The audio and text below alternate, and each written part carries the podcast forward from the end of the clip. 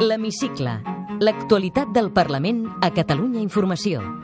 Amb Jordi Corbalan i el muntatge musical de Salva Pou. L'intent d'investidura a distància de Carles Puigdemont ha rebut un doble cop. El Tribunal Constitucional ha vetat el candidat de Junts per Catalunya amb l'admissió a tràmit tres mesos després del recurs del govern espanyol. I el Consell de Garanties ha emès un informe contundent, però no vinculant, que considera il·legal la reforma de la llei de la presidència que té previst votar al ple la setmana que ve. Benvinguts a l'Hemicicle. L'Hemicicle. L'actualitat del Parlament a Catalunya Informació. Junts per Catalunya manté la voluntat d'investir Puigdemont malgrat el doble revés del TC i el Consell de Garanties. Ciutadans i socialistes demanen a Torrent que retiri de l'ordre del dia del pròxim ple la llei de presidència. D'entrada, nosaltres no renunciem de bones a primeres a aquesta investidura. Demanem a Junts per Catalunya i Esquerra Republicana de Catalunya que pensin en altres camins. Ciutadans i el Partit Popular demanaran l'empara del Tribunal Constitucional pel vot delegat de Puigdemont i Comín. Una vez agotadas las vías parlamentarias, queremos dejar claro que presentaremos un recurso de amparo ante el Tribunal Constitucional. El ple convalida per unanimitat el decret que permetrà als funcionaris acabar de cobrar la paga extra del 2012 enmig de retrets sobre l'aplicació del 155. Menstenen el Parlament de Catalunya. Exhibeixen la seva signatura governamental en un decret des de la distància i sense compareixer. Es un decreto ley que les retrata y mucho me temo que la imagen que les devuelve del espejo no es precisamente reconfortante. El Parlament constitueix les sis comissions que no depenen de la formació de govern i també la que investigarà els atemptats de Barcelona i Cambrils. I que serveixi també doncs, perquè això no pugui repetir-se mai més a casa nostra. No? I avui a l'hemicicle conversarem amb el diputat del grup republicà, Rubén Wagensberg.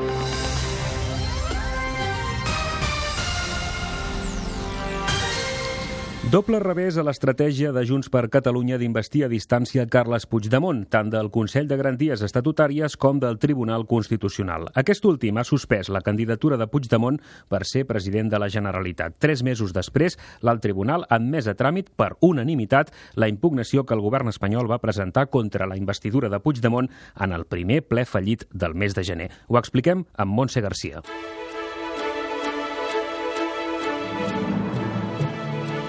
La resolució anula qualsevol acte, acord o via que tingui a veure amb la candidatura per investir Carles Puigdemont. És més, adverteix el president del Parlament i la resta de membres de la mesa del seu deure d'impedir o paralitzar qualsevol iniciativa que suposi ignorar o eludir aquesta suspensió i els avisa que hi pot haver conseqüències penals. El president Torrent i els membres de la mesa han començat a rebre la notificació del Tribunal Constitucional. La interlocutòria del Constitucional es feia pública el mateix dia que el Consell de Garanties Estatutàries qüestionava la legalitat de la reforma de la llei de la presidència impulsada per Junts per Catalunya per investir president a distància. El dictamen és contundent, però no vinculant. De fet, el ple del Parlament té previst votar la reforma la setmana que ve. El Consell considera per unanimitat que reformar la llei de la presidència per permetre una investidura a distància del president de la Generalitat vulnera el reglament del Parlament, l'Estatut i la Constitució. El Consell de Garanties, en canvi, avala que es puguin fer reunions de govern a distància amb mitjans telemàtics sempre que quedi regulat el quòrum necessari perquè els acords siguin vàlids. El Consell de Garanties està en contra de la tramitació express, en lectura única de la reforma, per la mateixa naturalesa de la llei. Des de Junts per Catalunya, Eduard Pujol deixa clar que no hi haurà desobediència per tal d'investir Puigdemont. Nosaltres no forçarem eh, cap situació de, de desobediència eh, perquè això seria eh, alimentar encara més el conflicte en la mala direcció. Poc després de fer-se públic el dictamen del Consell de Garanties, el president del Parlament, Roger Torrent, convocava un ple per dijous i divendres que ve que inclou el debat i la votació de la reforma de la llei de la presidència. Ciutadans i el PSC, que van demanar el dictamen, sol·liciten que retiri de l'ordre del dia del ple. Sentim Carlos Carrizosa, que adverteix que recorreran davant del TC i el socialista Miquel Iceta. Que el señor Torrent no nos lleve otra vez al marco de incumplimiento, de abuso, de atropello de derechos de los días 6 y 7 de septiembre en este Parlamento. Le pedimos al señor Turrent que no actúe fuera de las leyes y fuera de la democracia. Demanem a Junts per Catalunya i Esquerra Republicana de Catalunya que procedeixin a retirar el projecte de llei i que pensin en altres camins. Altres camins que no poden ser més que nomenar una persona, un president o una presidenta de la Generalitat que es pugui dedicar en plenitud, que formi govern. L'Hemicicle. El Parlament a Catalunya Informació. El Parlament va fer dimecres un ple ordinari en què per primera vegada van poder votar els 135 diputats, els 5 que són a les presons d'Estremera i Soto del Real, Carles Puigdemont i per primera vegada Toni Comín. Comín va poder votar després que la mesa del Parlament desestimés minuts abans del ple la petició de Ciutadans, socialistes i populars perquè s'anul·lés la delegació de vots. Ciutadans i el Partit Popular demanaran l'empara del Tribunal Constitucional perquè consideren que el vot delegat de Puigdemont i Comín vulnera els drets dels seus diputats. La líder de les Ciutadans, Inés Arrimadas, ho anunciava des del mateix escó i una estona després als passadissos de la cambra Xavier García Albiol avançava que el subgrup popular també demanaria l'empara del Constitucional. No ho ha fet el govern espanyol. Una vez agotadas las vías parlamentarias, queremos dejar claro que presentaremos un recurso de amparo ante el Tribunal Constitucional porque desde luego se está haciendo un uso de reglamento partidista y desde luego a veces tenemos la sensación de que la mesa del Parlamento funciona más como el gabinete de abogados de los huidos de la justicia que como los representantes de los ciudadanos. Presentarem un recurs davant del Tribunal Constitucional. Més que com a PP català, com a, com a diputats del Partit Popular de Catalunya, contra el vot delegat dels dos per eh, violació dels nostres drets. El PSC, en canvi, no té previst anar al TC. La portaveu Eva Granados desconfia de la paraula de Ciutadans. Ciudadanos anima, però hace poco, no? Perquè, eh, de fet, encara és hora, eh, recordem a la senyora Arrimadas en el ple de Constitució, es va aixecar per dir que era del tot in inconstitucional i legal i encara és hora que porti al Constitucional la, bueno, doncs aquestes delegacions de vots de les persones que estan privades de llibertat. Doncs pendents de la presentació d'aquests recursos, Junts per Catalunya i Esquerra es conjuren per investir president abans del 22 de maig. Tot i això, la possibilitat d'unes noves eleccions plana sobre l'hemicicle de la Ciutadella, malgrat que no sembla que ningú les vulgui. El mateix Carles Puigdemont assegura que les decisions es prendran respectant els resultats del 21D i amb fidelitat a l'1 d'octubre. De saber gestionar el temps, amb el nostre calendari, no amb el calendari, l'agenda, les presses o les necessitats que tingui un adversari que és cada vegada més autoritari. Ara això ho veu molta gent al món. Nosaltres prendrem les decisions sempre respectant el resultat de les urnes del 21 de desembre, cosa que no fan els partits unionistes ni l'estat espanyol, i respectant la fidelitat a l'1 d'octubre. I des d'Esquerra, Sergi Sabrià insisteix que cal formar govern com més aviat millor. Les eleccions serien un desastre, però també crec que una irresponsabilitat per parts de tots pel que fa als comuns, Elisenda Alemanya pressa Junts per Catalunya i Esquerra a investir president. Sempre ens hem posicionat a favor de garantir els drets polítics d'aquells diputats, diputades que han estat elegides per la ciutadania, però un missatge molt i molt clar, també. Ja tenen tots els números per fer un govern ja. I la copaire Natàlia Sánchez compromet el suport dels seus quatre diputats a qualsevol iniciativa política que preservi la sobirania del Parlament. Celebrar que la mesa hagi acceptat eh, la delegació de vot sol·licitada pel diputat Toni Comín. Des de la CUP Crida Constituent sempre hem insistit en que cal garantir la sobirania del Parlament i d'aquesta manera també garantir els drets de tots els seus diputats i diputades. L'Hemicicle. L'actualitat del Parlament a Catalunya Informació.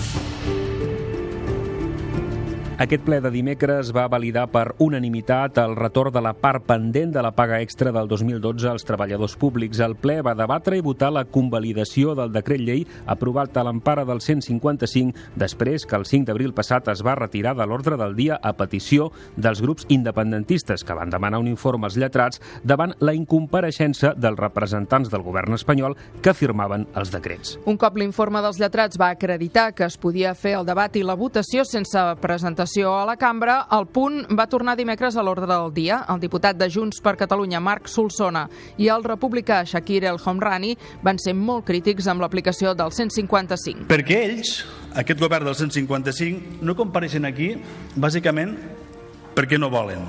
Menys tenen el Parlament de Catalunya, exhibeixen la seva signatura governamental en un decret des de la distància i sense compareixer. És tan difícil d'explicar que aquest decret el signi una persona la vicepresidenta, que la seva força política que representa únicament té 4 de 135 diputats en aquest ple, és tan difícil d'explicar-ho des dels punts de vista dels valors democràtics que no es pot explicar. Els altres grups van criticar que el govern català no hagués calendaritzat el retorn de les pagues del 2013 i el 2014. Ciutadans, socialistes i populars van retreure als grups independentistes que hagin utilitzat políticament els funcionaris. Sentim Joan Garcia de Ciutadans, Alicia Romero del PSC i el popular Alejandro Fernández. I ho fem per una suposada ocurrència del bloc independentista, amant del bloqueig, que encara no hem nosaltres almenys aconseguit entendre.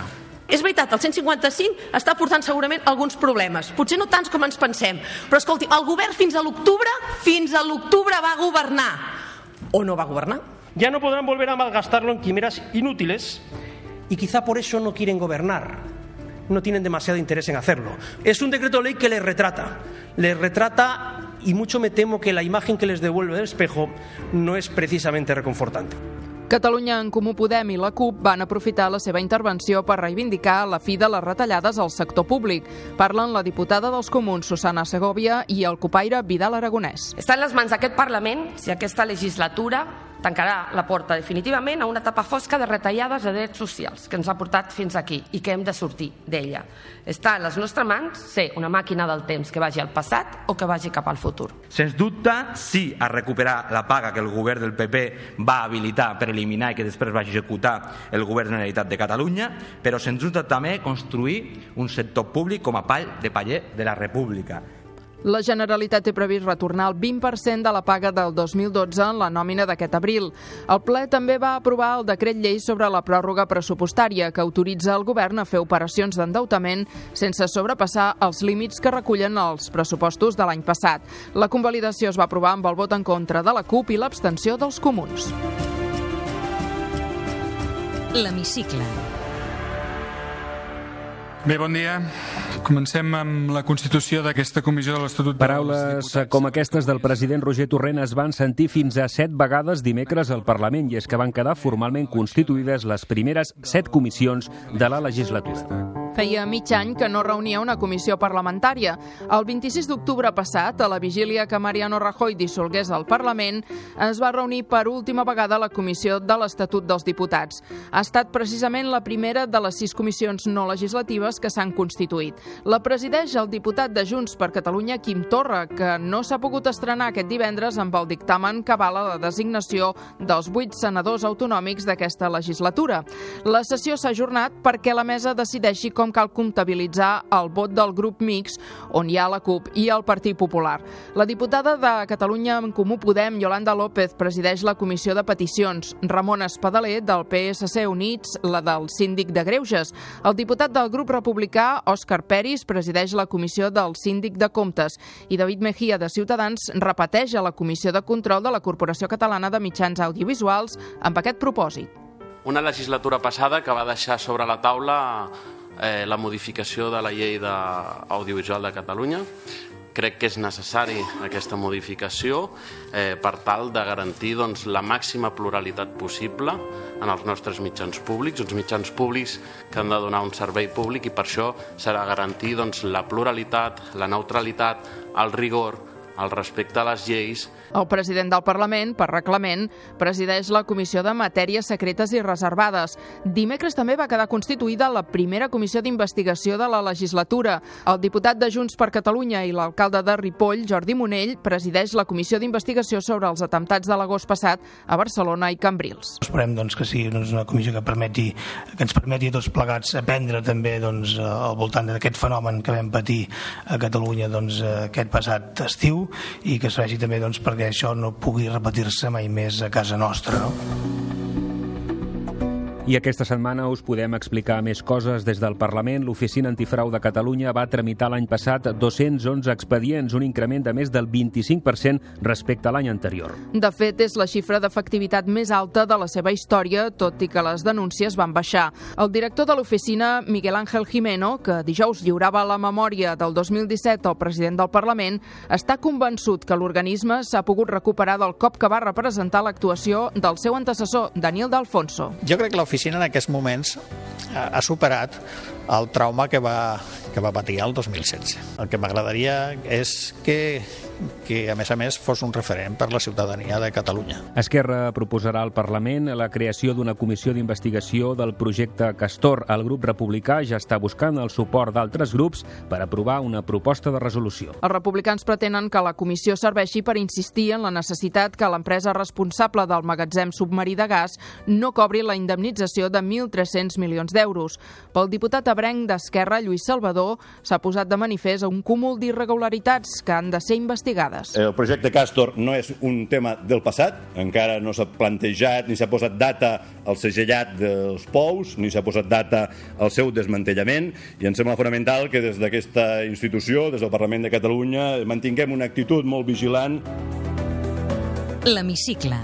El Parlament a Catalunya Informació. Rubén Wagensberg, diputat del grup parlamentari republicà, el grup d'Esquerra. Benvingut a l'hemicicle. Benvinguts, com estem? Posa la mà al foc, que no hi haurà noves eleccions. En aquest moment polític no posaria la mà al foc absolutament per res, però crec que estem tots conjurats i ho hem d'estar perquè per no repetir eleccions. El Parlament ha d'intentar investigar Carles Puigdemont abans del 22 de maig? el Parlament ha d'intentar investir el, el candidat que els, els diputats escolleixin, que Carles Puigdemont eh, pot ser un d'aquests i tant que ho ha d'intentar-ho. A través de la reforma de la llei de presidència hi pot haver un nou xoc amb l'Estat que pot complicar encara més les coses? Segurament, segurament pot haver-hi xoc, no només amb la llei de presidència, amb qualsevol de les altres. Venim d'una legislatura que s'han aprovat moltíssimes lleis d'àmbits socials que poc tenen a veure en el procés i que han provocat també que aquestes lleis acabin caient a través via del, del Tribunal Constitucional i per tant pot ser, però tampoc podem estar sempre pendents de la resposta que tindrà el govern espanyol o via Tribunal Constitucional del que fem amb polítics i líders sobiranistes a la presó i a fora, com d'efectiu pot ser aquest govern que reivindiquen? Hem d'intentar que sigui el màxim d'efectiu possible, eh, principalment perquè hi ha moltíssima gent en aquest país que necessita un govern efectiu, que necessita que comencem a legislar, eh, a, a, per exemple, de caire social, eh, i per tant hem d'intentar i hem de treballar que sigui el més efectiu possible. No sempre estarà a les nostres mans perquè hi ha un govern espanyol que intentarà que sigui el menys efectiu possible, això ja ho sabem d'entrada, però la nostra responsabilitat com a polítics ha de ser que sigui el màxim d'efectiu possible. No perquè el govern serà efectiu, sinó perquè el que ha de ser efectiu són les polítiques que generem aquí. El 27 d'octubre es va proclamar la República Catalana al Parlament? El 27 d'octubre va haver un acte de, de sobirania, segurament es va proclamar una república que no hem sigut capaços de desplegar i aquí entraríem en un, en un anàlisi i que segurament haurem de fer en algun moment de perquè això no, no ha sigut possible. Hem de saber on som i ara mateix no hi ha una república desplegada, malauradament.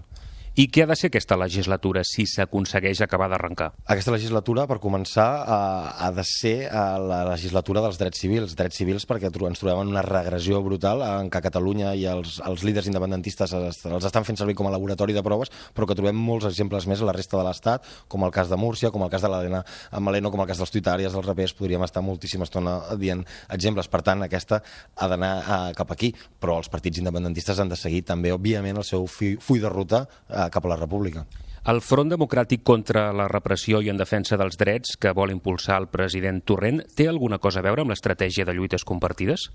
Som un país de lluites compartides. Uh, des, de, des de que jo tinc uh, consciència m'he trobat amb lluites com el No a la Guerra, el 07, uh, de petit uh, anava a donar colors i llibretes per uh, Sarajevo, són lluites inclús que no reivindicam els nostres drets, sinó els drets d'unes persones a les quals ni coneixíem. Crec que aquí ens podem trobar moltes, moltes lluites compartint un un espai en comú, que és aquest que està intentant tirar endavant el president del Parlament i al qual s'hauria de sumar tota la societat. Que Roger Torrent s'hagi vist aquesta setmana amb l'alcaldessa Colau és una bona notícia? Sempre és una bona notícia parlar, sempre és una, una bona notícia dialogar i més amb l'alcaldessa Ada Colau, que també estic segur que tenim moltíssimes polítiques comunes però teixir acords entre el conjunt de l'independentisme, de les forces independentistes i els comuns no està semblant fàcil no està semblant fàcil i menys ara en un moment en què la repressió està afectant tant els partits eh, independentistes, però hem de treballar, hem de treballar perquè són un dels millors aliats que podem tenir, però no ho hem de mirar mai com que nosaltres necessitem l'ajuda dels comuns, sinó que el, ho explicàvem l'altre dia en un pla del Parlament, ens necessitem eh, tots plegats junts en aquest front antirepressiu. Vostè es va remengar abans de les eleccions per intentar treballar per la unitat de les esquerres. Escolti, com es va deixar convèncer al final per anar a la llista d'Esquerra? Bé, eh, principalment perquè Esquerra Republicana és el partit que probablement està patint més repressió eh, del conjunt dels partits independentistes i això ja en si sol és un, un, un argument. El segon punt a considerar és que si eh, aquesta gent està patint la repressió és per complir un mandat eh, representant a tot el conjunt de la societat. Per tant, tampoc seria just que en el moment que aquesta gent se'n va a l'exili, se'n va a la presó o està en processos judicials, eh, els deixéssim a l'estacada. Si en algun moment creien que en el meu cas jo podia servir d'ajuda, eh, era innegable. I com li va això de ser una veu independent dintre de la disciplina, entre cometes, d'un grup parlamentari? Bé, bueno, acostumant a... Tampoc sé què és ser una veu no independent, és el primer cop que, que estic a, a, en política. De moment la relació és boníssima, penso que tenim un grup parlamentari molt plural, plural i que, per tant, eh, facilita moltíssim les coses. Rubén Wagensberg, des de la política es pot fer activisme social?